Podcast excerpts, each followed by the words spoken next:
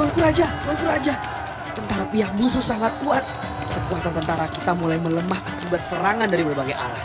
Apa yang harus kita lakukan? Sing and dance together with you.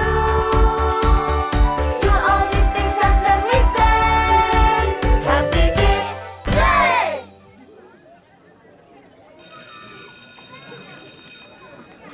Anak-anak, tolong tenang dan kumpulkan PR matematikanya ya.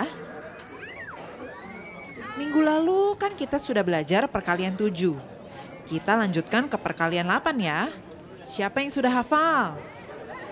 Ada yang mau coba ke depan?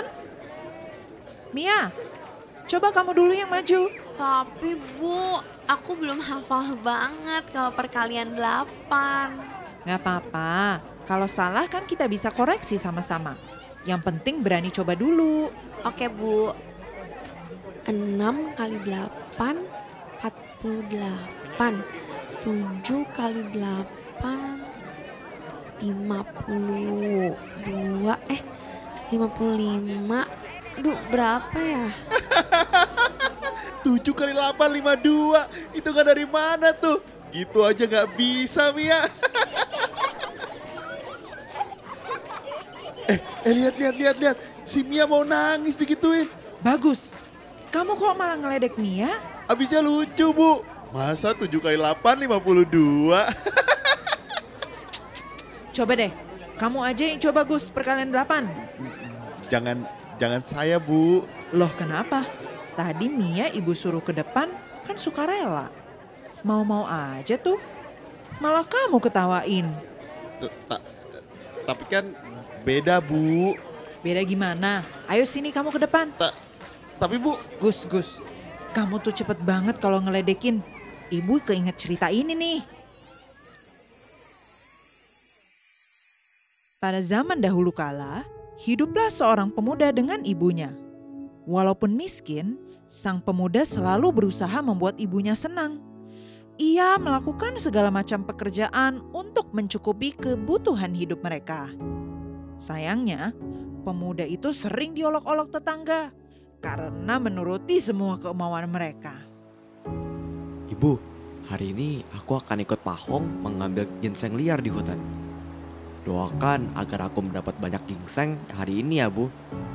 Jadi kita bisa makan sup ayam hangat malam ini. Hati-hati ya nak, di hutan banyak sekali binatang buas. Jangan sampai kamu diterkam karena tidak waspada. Iya Bu, tenang saja. Aku akan berhati-hati.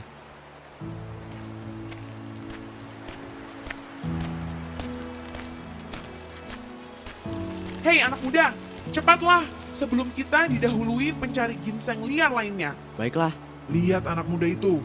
Bukankah dia adalah pemuda yang mau melakukan apa saja asal dapat imbalan? Apa maksudmu? Siapa tahu kau nanti merasa bosan. Kau bisa menyuruh dia melakukan hal lucu. Asal kau bayar. Hahaha.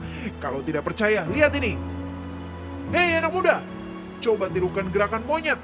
Nanti akan kuberikan dua batang ginseng liar yang kutemukan untukmu. be- benarkah? Baiklah, Benar-benar pemuda yang lucu. Sekarang biar aku yang coba. Hei anak muda, kalau kau berani lompat ke lumpur di depan sana, akan aku berikan tiga batang ginseng yang kutemukan. benarkah Pak Hong? Baiklah,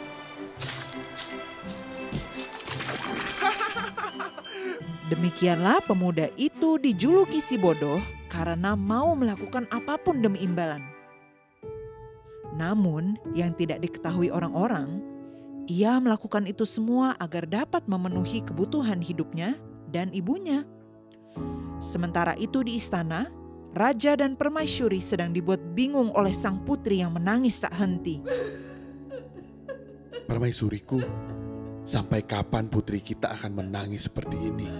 Aku sudah cukup lelah dengan urusan negara, ditambah tangisan putri kita. Bisa-bisa aku mati karena kesal mendengar tangisannya. Maafkan aku suamiku. Aku telah gagal mendidik putri kita.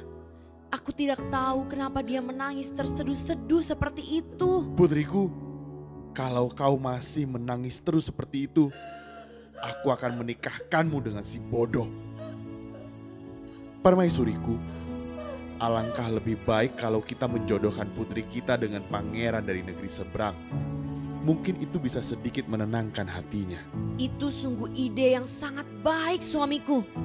Ayah, bukankah ayah hendak menikahkanku dengan si bodoh? Tidak mungkin ayah mempertaruhkan masa depanmu dengan menikahkanmu dengan pria bodoh. Itu hanya ucapan kosong ketika ayah marah. Tidak ayah, aku akan tetap mencari si bodoh. Sang putri akhirnya kabur dari istana untuk mencari si bodoh. Ketika sampai di desa si bodoh, sang putri tinggal di rumah si bodoh dan ibunya. Sang putri akhirnya mengerti bahwa pemuda tersebut tidaklah bodoh seperti yang dikatakan orang-orang. Dia hanyalah seorang pemuda yang ingin berbakti kepada ibunya. Sang putri diam-diam jatuh hati pada si bodoh dan mulai mengajarkan berbagai hal kepada si bodoh. Hei kau, apakah kau mau kuajari cara menggunakan pedang? Kau kan perempuan. Memangnya kau bisa menggunakan pedang? Hah, aku ini bukan perempuan biasa. Aku sudah belajar teknik pedang sejak muda. Kau mau lihat keahlian pedangku? Wah, kau benar-benar bisa menggunakan pedang. Aku menarik kata-kataku. Maukah kau mengajarkannya padaku? Baiklah, tapi kau harus belajar dengan sungguh-sungguh ya. Lambat laun, si bodoh mulai menguasai ilmu pedang dan berbagai pengetahuan yang diajarkan sang putri. Warga pun perlahan sudah tidak bisa memanggilnya dengan sebutan si bodoh.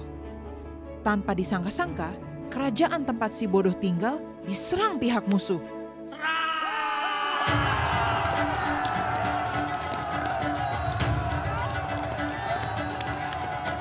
Tuanku Raja, Tuanku. Tentara pihak musuh sangat kuat. Kekuatan tentara kita mulai melemah akibat serangan dari berbagai arah. Apa yang harus kita lakukan? Kalau kita terpojok seperti ini, kita akan segera kalah dalam peperangan ini.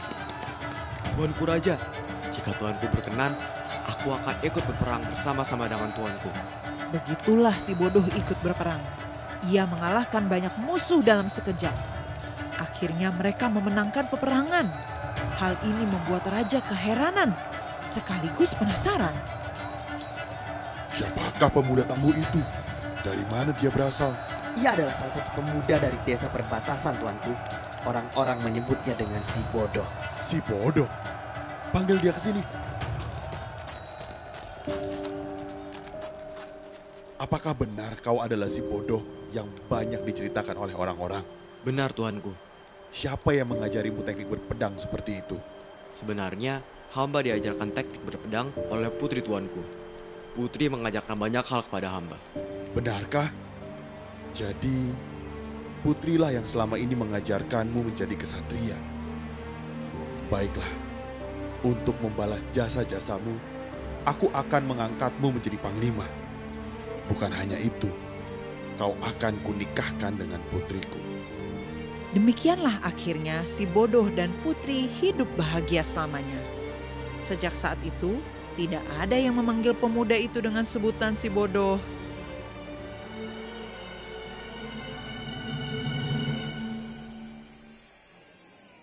Gimana Gus, setelah kamu dengar cerita ini?